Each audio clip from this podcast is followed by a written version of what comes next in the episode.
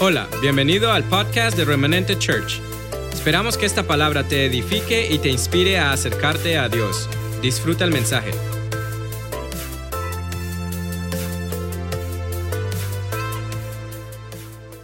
Vamos a hablar hoy de la vieja. ¿De qué vamos a hablar? De la vieja. Hoy vamos a hablar de la vieja. Así que prepárese. Mira el que está a su lado y de qué vamos a hablar? De la vieja naturaleza. ¿Estaba pensando usted o qué? Esa no fue la imagen que me mostraste ayer. Ayer me mostró uno de una vieja, de una vieja naturaleza. Muy bien, amados. Esa vieja naturaleza, ah, y mira, y la metió, uno no quiere dejarla salir, ¿verdad? Dicen los, eh, usualmente, coloquialmente, se le salió el viejo hombre, se le salió el viejo hombre. Cuando por ahí como que esa vieja naturaleza quiere salirse, entonces se salió el viejo hombre. Bueno, esa vieja, esa vieja es complicada. Porque esa vieja naturaleza está condicionada, está predeterminada por un pasado, por una cultura, por un sistema, está condicionada por la experiencia de vida. Así que quiero que miren la traducción actual y dice Efesios 4:22, preste atención por favor que ustedes deben desechar, dice Efesios 4:22, que ustedes deben desechar la vieja personalidad que se conforma a su manera de proceder anterior y que va corrompiéndose conforme a sus deseos engañosos, pero que deben ser hechos nuevos en la fuerza que impulsa su mente y deben vestirse de la nueva personalidad que fue creada conforme a la voluntad de Dios en verdadera justicia y lealtad. Imagínate eso. Entonces, esta versión actual dice y habla, no habla solo de una naturaleza, habla de una personalidad.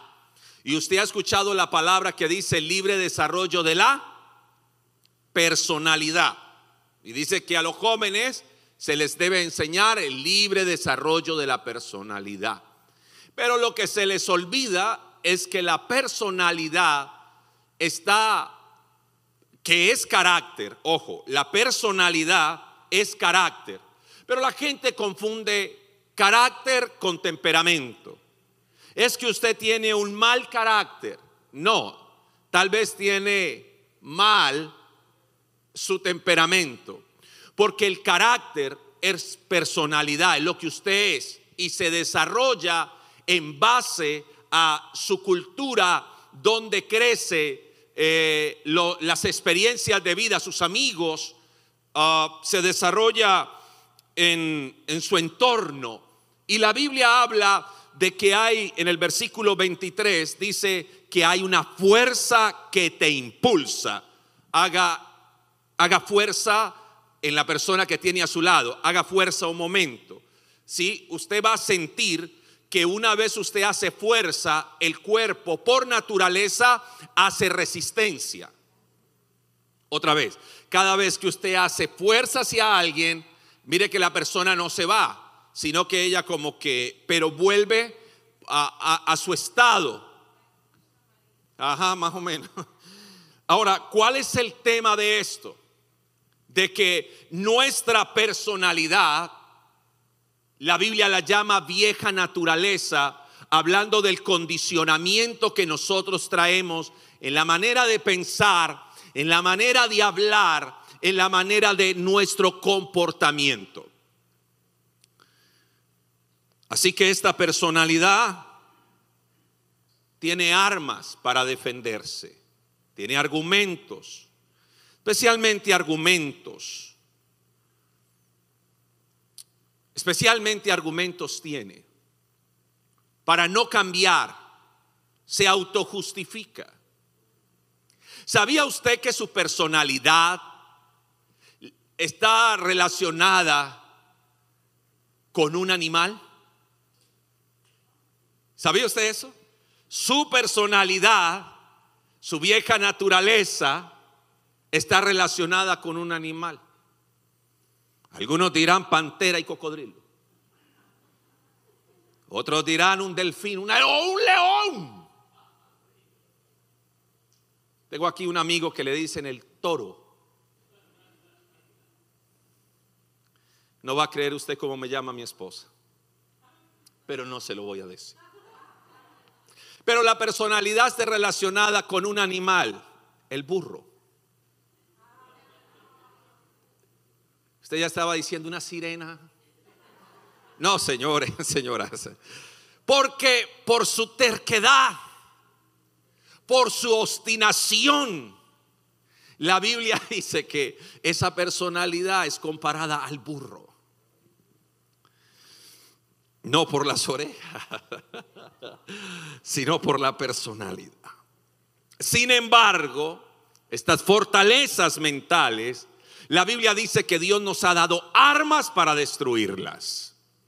En 2 de Corintios 10, 4 dice, porque las armas de nuestra milicia, imagínate esto, qué ejército, no son carnales, sino poderosas de Dios o en Dios para destrucción de fortalezas.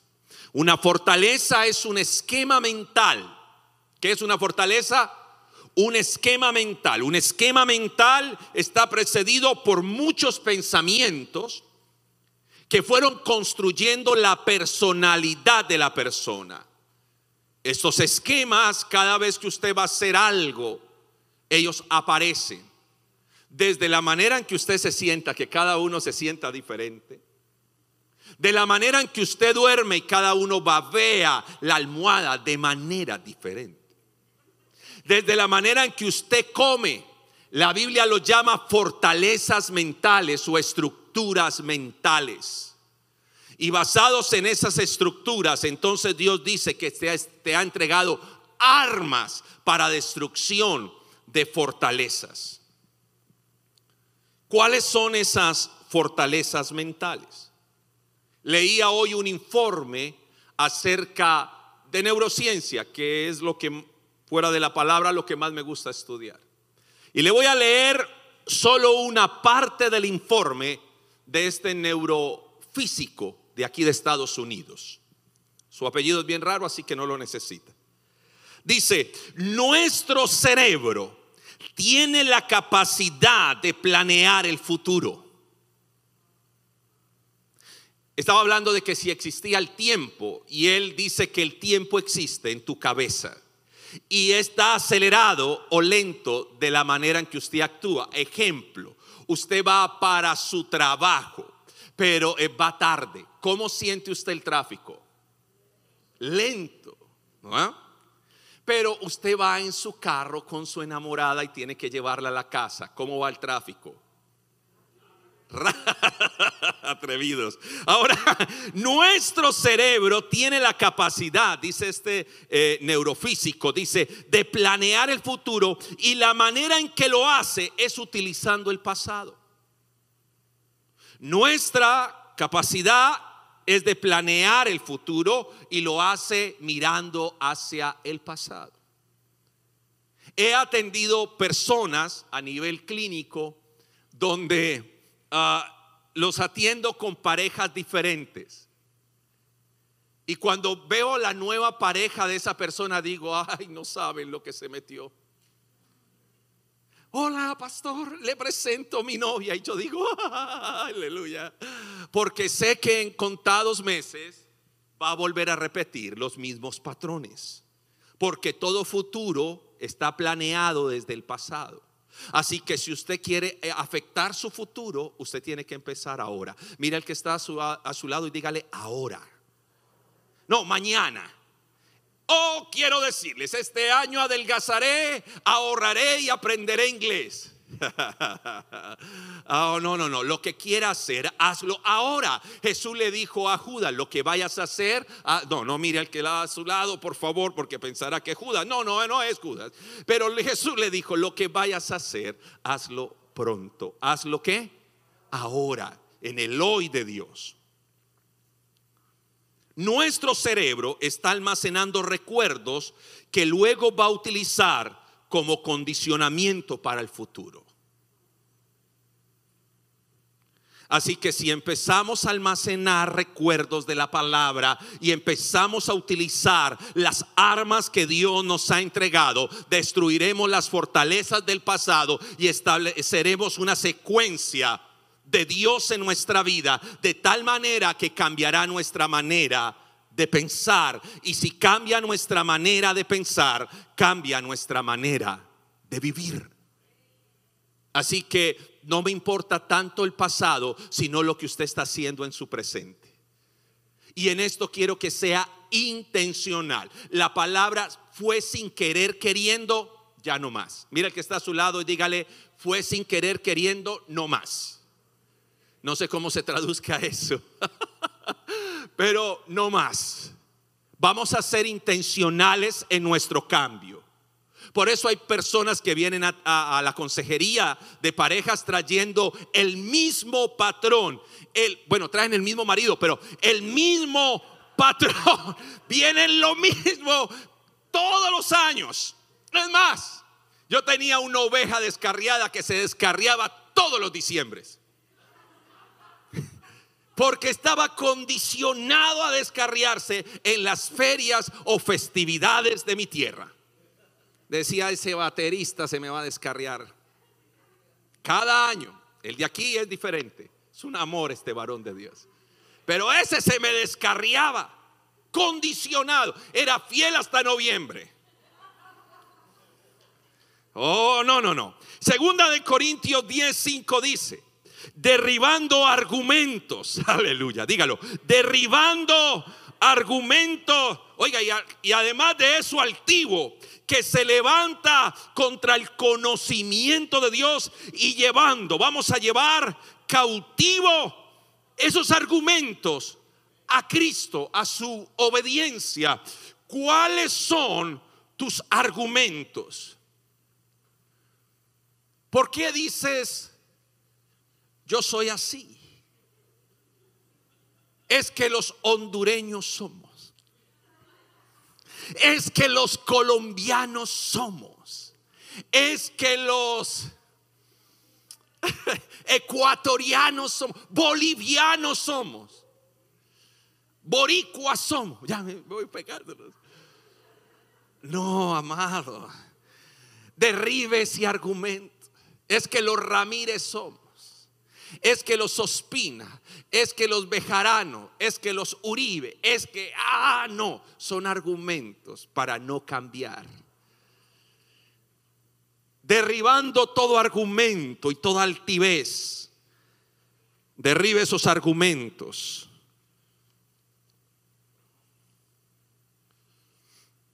Así que tus pensamientos deben de estar sujetos y direccionados y enfocados a la transformación de sus argumentos, tus pensamientos. Porque tenemos muchas excusas. Yo quiero que empecemos un trabajo de modelamiento. Alguna mujer acá dirá, ¿en serio van a enseñar modelamiento? Sí, modelamiento, no modelaje. En Juan 5:19 dice la palabra. Respondiendo entonces Jesús les dijo, de cierto, de cierto os digo, no puede el Hijo hacer nada por sí mismo, sino lo que ve hacer el Padre, porque todo lo que el Padre hace, también lo hace el Hijo igualmente. Es decir, que lo repite y lo repite doble. Si usted besa a su esposa, su hijo va a besar a su mamá, a la mamá. Si usted rechaza a su esposo, su hija va a rechazar a ese papá y al próximo. Se llama modelamiento. ¿Quién es tu modelo? ¿A quién sigues en tu mente? ¿Cuál es el argumento? Piense esto. Cada vez que alguien te dice algo, cada vez que tu esposa te dice algo, cada vez que tu esposo te dice algo, usted dice, ah, es que el médico tal dice. Ah, es que tal escritor dice. ¿Cuál es tu modelo? Mi modelo debe de ser el Padre. Mi modelo no es mi papá terrenal. Mi modelo es Dios. Desde esta nueva naturaleza ya dejé de mirar los errores de mi padre como pretexto para cometer los míos y empecé a mirar a mi papá Dios. Ya dejé de mirar los errores de mi madre y empecé a mirar a Dios. Ahora, el tema de los padres es que nos condicionaron. Y voy a hablar de cuatro cosas en las cuales nos condicionaron, que no es el tema central, pero lo voy a hacer una cotación, voy a hablarlo. El primero es el temor al rechazo. Nuestros padres en nuestra cultura crecieron llevando una pena por delante. Qué pena, buenas tardes. Pero la primera palabra que dice es, qué pena. Qué vergüenza, buenos días. ¿Cómo que qué vergüenza?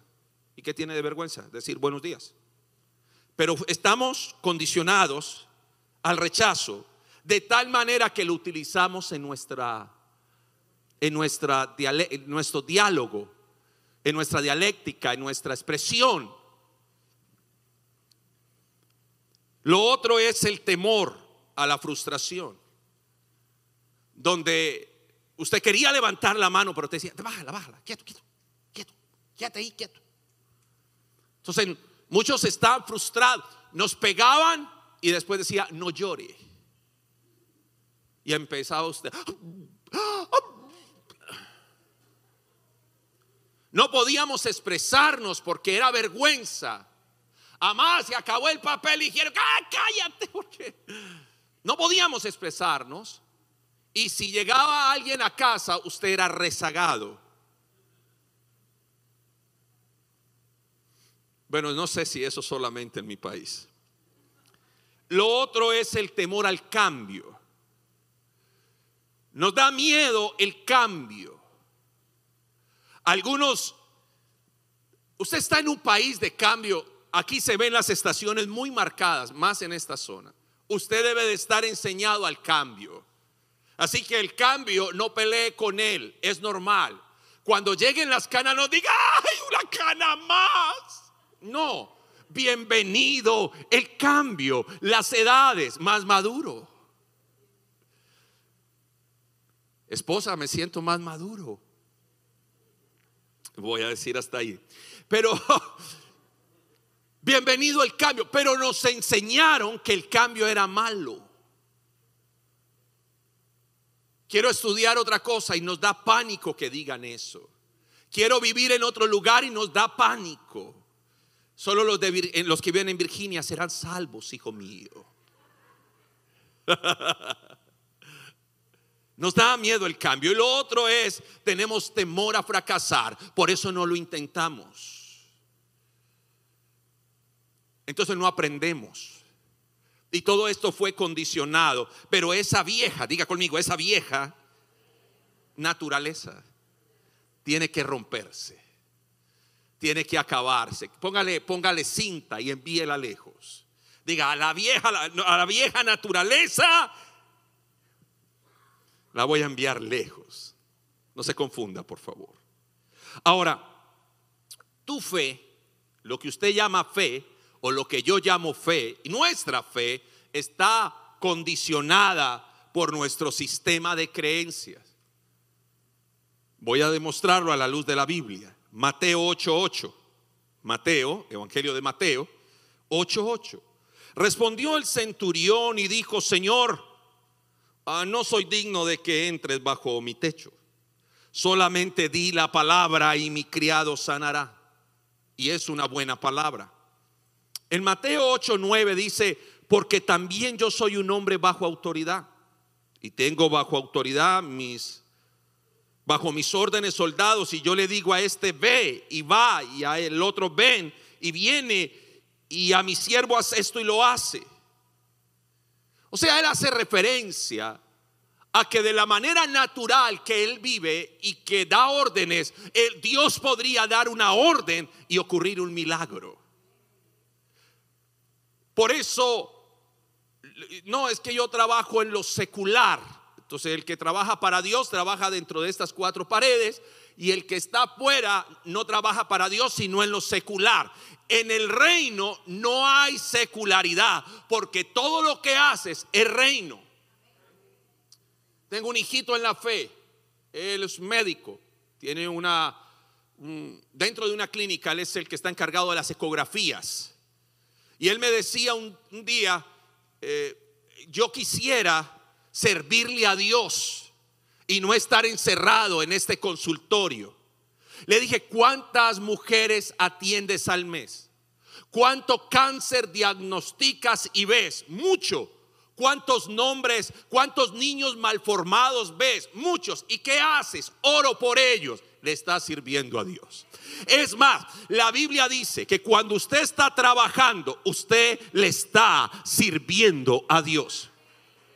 Porque usted está dejando el nombre de Dios en alto en su trabajo. Pastor, pero yo barro. Barra para Dios. Pastor, pero lo que hago es hablar y hágalo. Y lo que hago yo es servir alimentos. Hágalo. Hágalo para Dios. Muchos hombres de la Biblia, su oficio no fue ser pastores. Pastores como lo que ves hoy, sino carpinteros, ingenieros, coperos.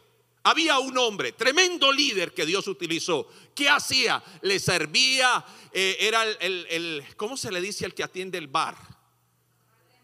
Bartender. Algún religioso diría, pecador, ¿qué hace trabajando ahí? Pero ese era un hijo de Dios. Se llamaba Nehemías. Era el bartender. Bueno, en la Biblia no dice bartender, dice copero. Eso suena más fuerte. ¿Qué hacía? Servía el vino. Y ahí lo servía. Margarita. Y ese le estaba sirviendo al diablo. No, Señor. Ese le estaba sirviendo a Dios. ¿Y cómo le sirve? Porque lo que hacía lo hacía con excelencia.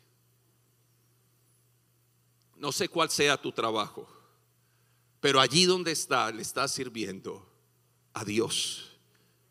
Le está sirviendo al rey. No con esto lo mando a que tome margaritas todos los días. Lo que estoy diciendo es que no hay un, porque alguno dirá, si ve el pastor dijo, no, lo que le estoy diciendo es que no hay secularidad, sino que todo es reino.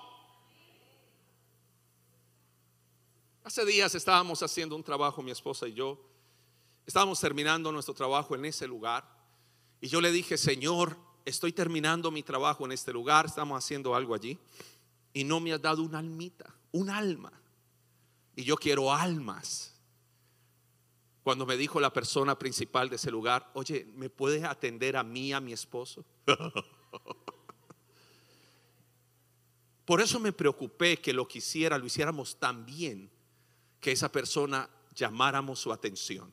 No le abrí la Biblia, porque no se la abrí. No le dije, mire mujer o hombre, no. Simplemente hicimos cosas con excelencia y esa persona fue tocada por favor, haga las cosas también que la gente diga, solo di la palabra y mi siervo sanará, porque yo soy hombre bajo autoridad y yo he visto esto y así como sucede. Mire, mire esta clase de fe. Él dijo, así como yo doy órdenes, Dios puede dar órdenes. Y quedó dentro de la Biblia como un versículo. Escuchó eso. No era palabra de Dios, pero quedó dentro de la palabra de Dios. La Biblia contiene la palabra de Dios, pero la Biblia es la palabra de Dios. Y Dios dijo, dentro de mi palabra quiero que quede la historia de un hombre que un día dijo que así como doy una orden, Dios la puede dar y va a ocasionar milagros. ¿Por qué? Porque él estaba condicionado por su creencia en su autoridad y dijo, yo creo que así como sucede, debe de suceder aquí. Le voy a decir algo, la iglesia no es menos que afuera. Afuera tienes que hacer las cosas con excelencia, aquí también. Afuera tienes que cumplir, aquí también cumplimos. Afuera pagas tus impuestos. ya me entendió, ¿verdad? Es decir, esto no es menos. Mire al que está a su lado, revuélquelo y dígale, esto es más. diga, no hay secularidad. Así que tu sistema de creencias no solamente afecta lo que haces, sino lo que crees. Tu fe es afectada por tu sistema de creencias. Y eso se nota en lo que usted habla. Porque el sistema de creencias afecta su hablar. Santiago 1.26, por favor vamos allí. Santiago 1.26.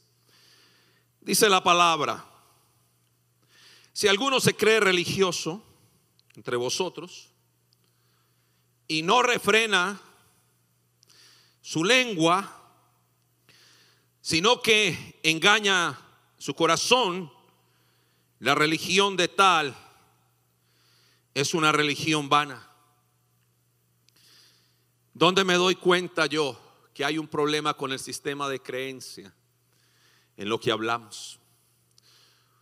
Déjame pasar media hora contigo, solo media hora, y me, diré, me daré cuenta de tu sistema de creencias. No me llame cristiano, llámeme cristiano después de un año. Al año, usted dice, este hombre de verdad es cristiano. O tal vez puede decir, de verdad no lo eres, por tu manera de qué? De hablar. Porque el problema es que muchos creen ser algo, pero su boca, le cuento que versículo Santiago 3:26 dice, y la lengua es un fuego, un mundo de maldad. La lengua está puesta entre los miembros y contamina todo el cuerpo e inflama la rueda de la creación. Y ella misma es inflamada por el infierno. Lengua viperina es. tenga usted un malestar con alguien, que empieza a querer salir por su boca. ¿Usted ha visto que aquí cambia su hablar hacia esa persona? Palabras como ese es mucho tonto. Y es a quien se cree. Y empiezan a salir palabras inflamadas desde dónde? ¿Desde dónde? Y esa boquita tan linda que le canta al Señor. Esa boca que habla del Señor de repente. Y sale una cosa, un monstruo. Que uno dice, ¿qué le pasó? Y se riega como, decimos en Colombia, voy a intentar que traduzcas eso, como bertolaga en playa. Alguna mata, alguna planta será. Porque se riega, no tiene control de su boca. Dice la Biblia, Romanos 3:13, ¿a qué se compara nuestra garganta, nuestra lengua? Se compara a un cielo, se compara a una tarde en, en Dubái, no, se compara a un sepulcro que cuando abre la boca es peor que aliento de cocodrilo sin lavarse los dientes. Dice que esa lengua engaña y veneno de áspid hay debajo de sus labios. Versículo 14 dice, su boca está llena de maldición y de amargura. Aleluya. Esa boca. No todo lo que se piensa se dice, aprenda, por favor. Piense, ¿sabe cómo la respire dos veces? Venga pues. A ver, una técnica aquí. Respire dos veces. Mire, le quiero decir, cuando respiró dos veces, mandó oxígeno a esas dos neuronas que tiene. Y ahí oxigenado, usted va a hablar mejor. Pero cuando usted está enojado, su corazón se acelera, pum, pum, pum, pum, pum, y pierde oxígeno. Y cuando usted empieza a perder oxígeno y oxígeno, que me muero, empieza a delirar. Y usted dice unas barrabasadas. Y, usted, y cuando dije yo eso, estaba muriéndose y no se dio cuenta. Algunos llegan allá al cuarto de la suegra y dicen, Ah, está viva. Amado, respire, por favor, respire, por favor. y vuelve y respire, vamos. Ok, quiero decirte que... y usted ahí se calma porque... Y se le ponen los labios secos. Y le tiembla acá. Y la quijada se le pone dura como quijada de camello. Dígale, Señor, ayúdame. Lo que hablas determinará mucho la vida que llevarás. Mira el que está a tu lado y dile, lo que hablas determinará la vida que llevarás.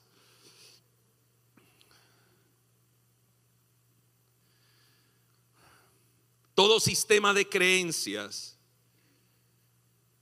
está condicionando tu manera de creer. Es un sistema de creencias. El problema es cuando tu sistema de creencias es cerrado a Dios. La Biblia dice en Isaías 28:15, quiero que le preste atención a esta traducción actual. Y escuche esta palabra, la voy a leer. Porque ustedes han dicho, Hemos celebrado, escuche esto, hemos celebrado o hemos hecho un pacto con la muerte y con el Seol hemos efectuado una visión, un convenio. La avenida repentina inundando, en caso de que pase, no vendrá a nosotros porque hemos hecho de una mentira nuestro refugio y de una falsedad nos hemos ocultado. Amados, ¿a quién queremos engañar? Si al final nos estamos engañando a nosotros mismos, podré engañar a unos, podré engañar a otros, como dijo el apóstol Wilmer, pero no podré engañar a todos.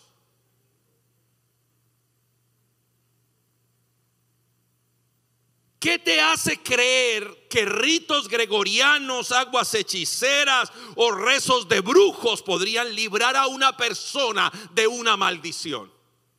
¿Qué te hace creer que cargar un billete de dólar? Entonces, ¿qué te hace creer que tener una penca de sábila o de partir limones o no sé cuál sean sus... Ah, mm, eh, bañar a una persona o pasarle un huevo por todo su cuerpo. ¿Qué te hace creer que en diciembre correr con maletas te...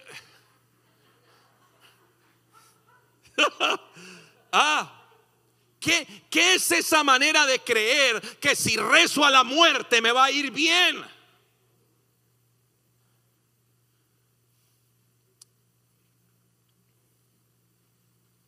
Todo aquello que promete libertad fuera de Jesús es una mentira.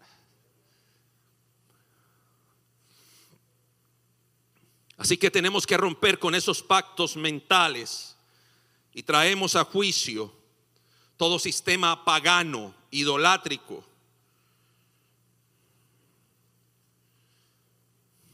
Yo he tenido casos de hermanos que cargan talismanes, amuletos, que tienen un gatico que en la casa hace así, que todavía estando ya en Cristo, todavía dicen yo soy Virgo y tiene cuatro hijos. Atrevido ese. Todavía miran al cielo para decir, mira, no, amados. La Biblia dice, no haya entre nosotros quien mire al cielo para consultar, porque tú tienes un papá dueño de todo.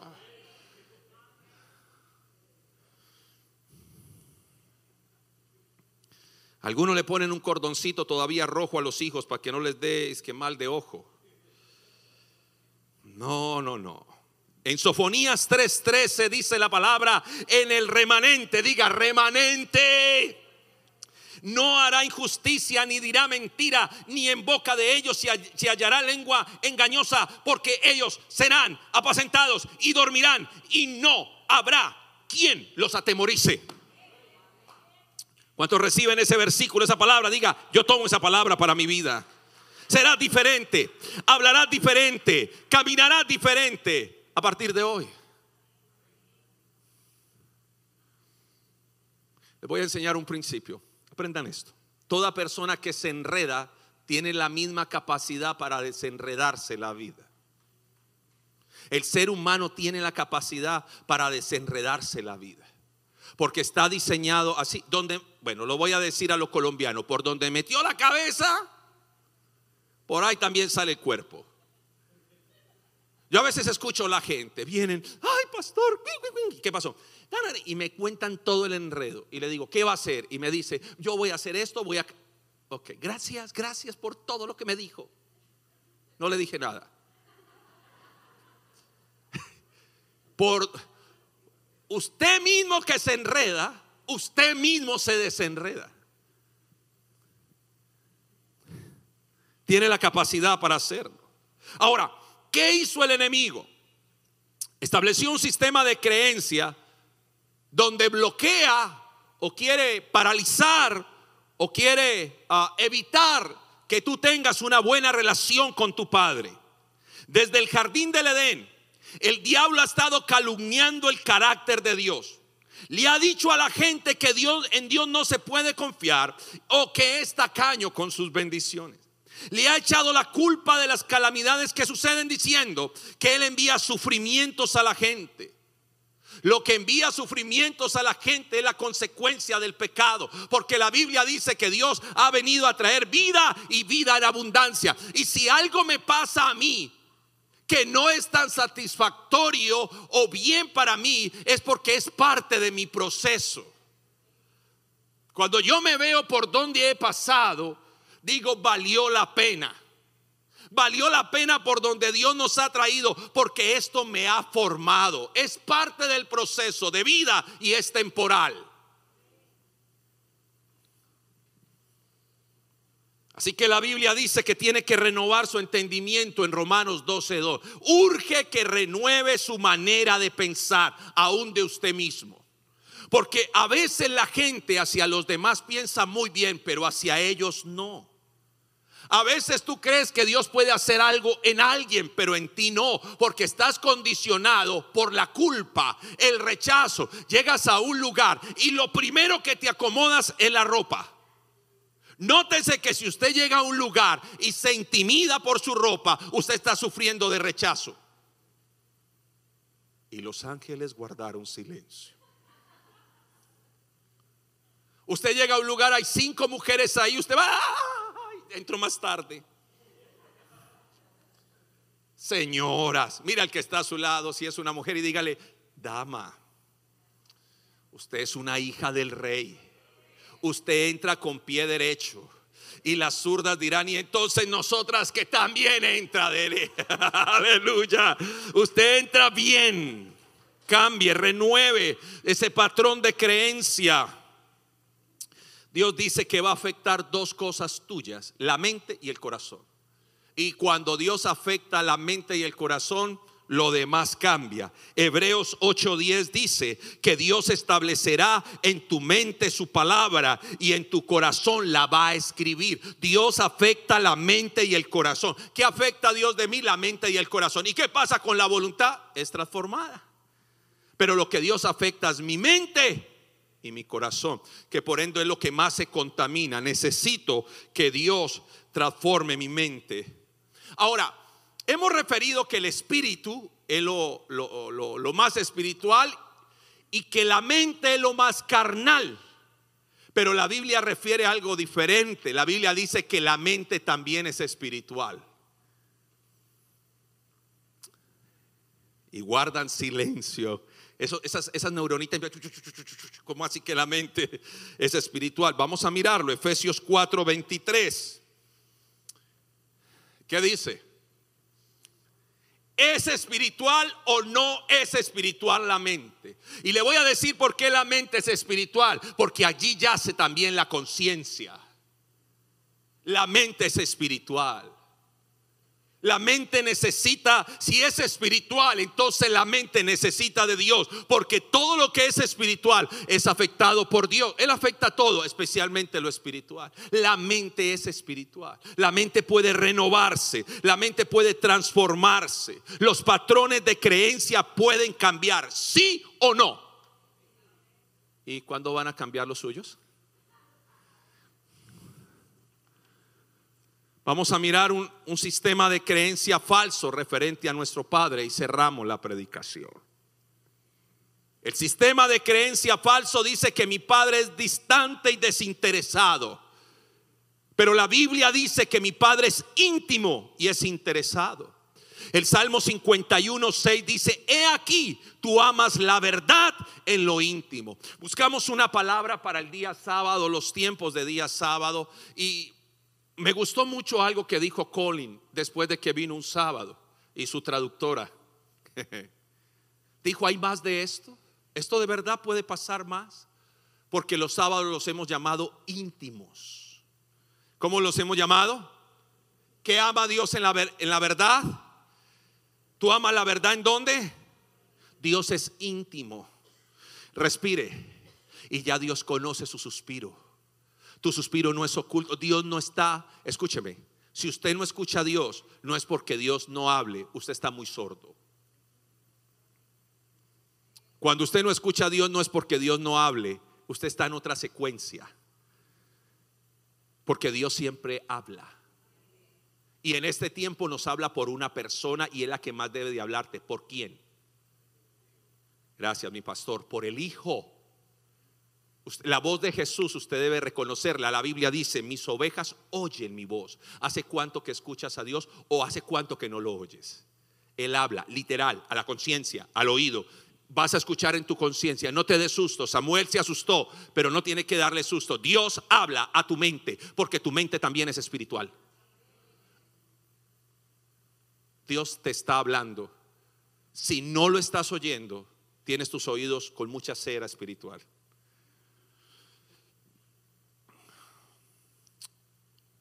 Otra mentira, otra falsa creencia. Mi padre es insensible y despreocupado. Pero la Biblia dice que mi Padre es bondadoso, que mi Padre es comprensivo. La Biblia dice en el Salmo 103, 8, misericordioso y clemente es el Señor, lento para la ira y grande en misericordia. ¿Cuántas veces debes pedirle perdón a Dios por un pecado? Repito, ¿cuántas veces debes pedirle a Dios perdón por un pecado?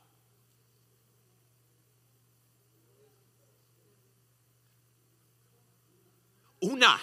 ¿Y cuántas veces usted le pide a Dios perdón por un pecado? ¿Qué es eso? Uh, ¿Qué es eso? Porque la culpa te carcome. Entonces el problema no es de Dios, Dios la tiene clara, el problema es suyo.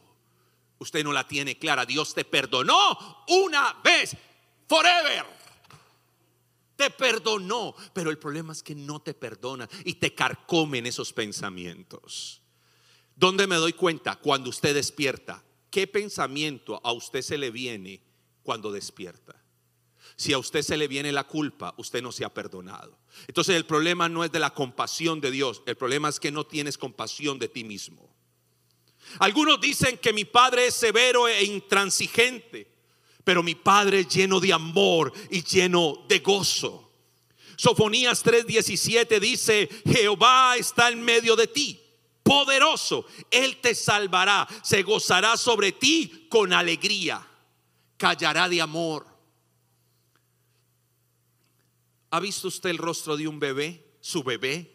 ¿Usted cómo lo mira? Usted se queda callado viendo ese rostro.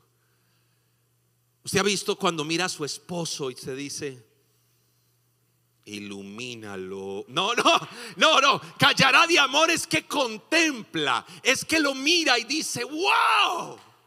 ¿Cuántos hombres miramos así a la esposa que la mira y dice tan linda como ronca? Callar de amor es, es, es, una expresión hermosa. Dios calla de amor. Dios te mira adorando y dice, canta como cuervo, pero no importa porque es mi hijo a quien amo callar de amor. Ese es mi papá. Diga mi padre. Pero algunos lo creen distante y es más cercano. Lo que pasa es que usted, usted imagina donde el Señor afuera así tan, o sea, gracias porque de una u otra manera es por fe, porque eh, imagina, uno, si uno llega y saluda a una mujer, ¡ay, qué pasó! Si uno que es carnal, terrenal, dice, hola amor, ¡ah, qué pasó! Ahora imagínese Dios donde le diga hola. Mira, si ve, se pone nerviosa. Por eso el Señor dice, yo callo de amor. Yo quisiera que me vieras, pero prefiero callar y esperar por ti. Oh, mi Padre, mi Padre, amados. Algunos creen que mi Padre es pasivo y frío, pero mis padres cálido y afectivo. Y mire, le voy a decir algo. Yo en estos días, y se los conté en una predicación, yo iba conduciendo y voy en mi momento, en mi carro, oro, en mi carro y estoy ahí y sentí el abrazo de padre. Y me quebranté y me puse a llorar y dije, oh, tú eres real. Yo siento que mi... ¿A cuántos, han sentido que Dios los abraza y que ahí como una apretón ahí? Ese es mi Padre. La Biblia dice en Efesios 1.5 en amor habiéndome predestinado. Dios hizo un derroche de amor conmigo para ser adoptado hijo suyo por medio de Jesucristo según el puro afecto de su voluntad. Algunos dicen que mi padre es ausente y que no responde, pero mi padre oye. En Jeremías 33:3 dice, clama a mí, yo te responderé. Ese es mi padre. Algunos decían que mi padre es malo, cruel, pero Él protege según Job 17.3. Algunos dicen que Dios es aburrido. Entonces me acuerdo que entran a reuniones donde no se puede ni aplaudir. Hermanos, Dios les bendiga. El gozo del Señor es mi fortaleza. ¿Cuántos están alegres? No, hermano, en la fiesta Cuando usted vaya al cielo, yo no sé cuántos aburridos van a querer salir corriendo de allá. Recuerdo un hombre que le dije, venga, y yo le he contado a ustedes, ¿usted por qué no llega temprano? Y dijo, es que la alabanza no me gusta. Y le dije, es que la alabanza no es para usted. la alabanza es para mi rey. ¿Por qué? En Nehemías 8:10, mire lo que dice la palabra. Nehemías 8:10 dice, porque el gozo del Señor es mi fortaleza. Si lo tenemos ahí o fue otro texto que tomé? El gozo de Jehová es ese, papá, gracias. El gozo del Señor es. Vamos, el gozo del Señor es Oiga, pastor, ¿y usted por qué mueve esas banderitas ahí? ¿A usted no le da pena? Pues seré bandera para usted, pero seré para mi rey adorador. Aleluya. Antes venga, yo le enseño a mover esas banderas que por ahí debo de cumplir una promesa. Es que Dios me quita la vida, no señores. En Juan 10:10 10 dice que Él viene a dar vida y vida en abundancia. Mi padre es condenador, no, mi padre es perdonador, estás mirando mal, cabeza. No. Salmo 133 dice, Jehová, si mirares a los pecados, ¿quién, oh Señor, podrá mantenerse? Pero en ti hay perdón para que seas reverenciado. Papá, perdona. Amado, no, no se condene, papá, perdona. Papá, perdona, diga mi papá, perdona. Mi padre es psicorrígido, no, amados, mi padre es, es justo mi padre es justo, Juan 17, 25 lo dice, mi padre, mi padre es justo, mi padre es bueno. Así que en este día, usted y yo vamos a decirle a la vieja que no más, a la vieja naturaleza. Vamos a decirle a ese sistema de creencias errático que no más, diga no más que usted va a comenzar una relación con alguien y empieza, ay, no, ¿qué le pasa? Cambia, empieza, no, cálmese, tranquilo, normal. Tiene una cita en migración y empieza, hey, hey, Dios está contigo. Va para, la, para el baño, pasa el triángulo de las Bermudas y suena algo en la cocina, ¡ay, espíritu chocarrero! No, algún ángel despistado. ¿Por qué cree que en su casa hay demonio? No, señores, donde está Cristo no hay ningún demonio.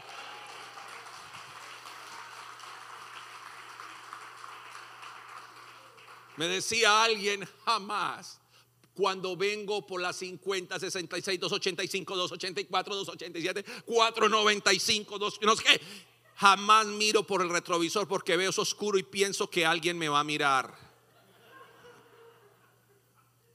Así como dice la Biblia que Satanás anda alrededor como, como, como, como león rugiente, también dice la Biblia, el ángel de Jehová campa alrededor de los que temen al Señor y los defiende. Así que lo único que usted va a ver atrás son ángeles. Pero ustedes miren, ay Señor, que nada. El mundo de las tinieblas es real, sí, pero el mundo celestial es el doble. Bueno, ya terminé. Me fue bien.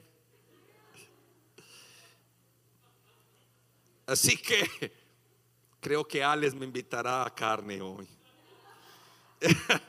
El sistema de creencia debe de ser renovado. Así que vamos a volver a leer Efesios 4, 22 al 24 para terminar. Que ustedes deben desechar, Efesios 4, 22, en cuanto, oh, eso me gusta, que comparemos las dos versiones. Voy a leerlo en esta versión, usted lo sigue allí en la Reina Valera. Que ustedes deben desechar la vieja personalidad, la vieja naturaleza, ¿cierto? El viejo hombre. Que se conforma a su manera de proceder anterior y que va corrompiéndose conforme a sus deseos engañosos pero que deben ser hechos nuevos en la fuerza que impulsa su mente. Oh, ese me gusta más. En el espíritu de vuestra mente. Versículo 24 en la traducción actual dice, y deben vestirse de una nueva personalidad que fue creada, utiliza el mismo término vará de la creación, conforme a la voluntad de Dios en verdad y en justicia y lealtad.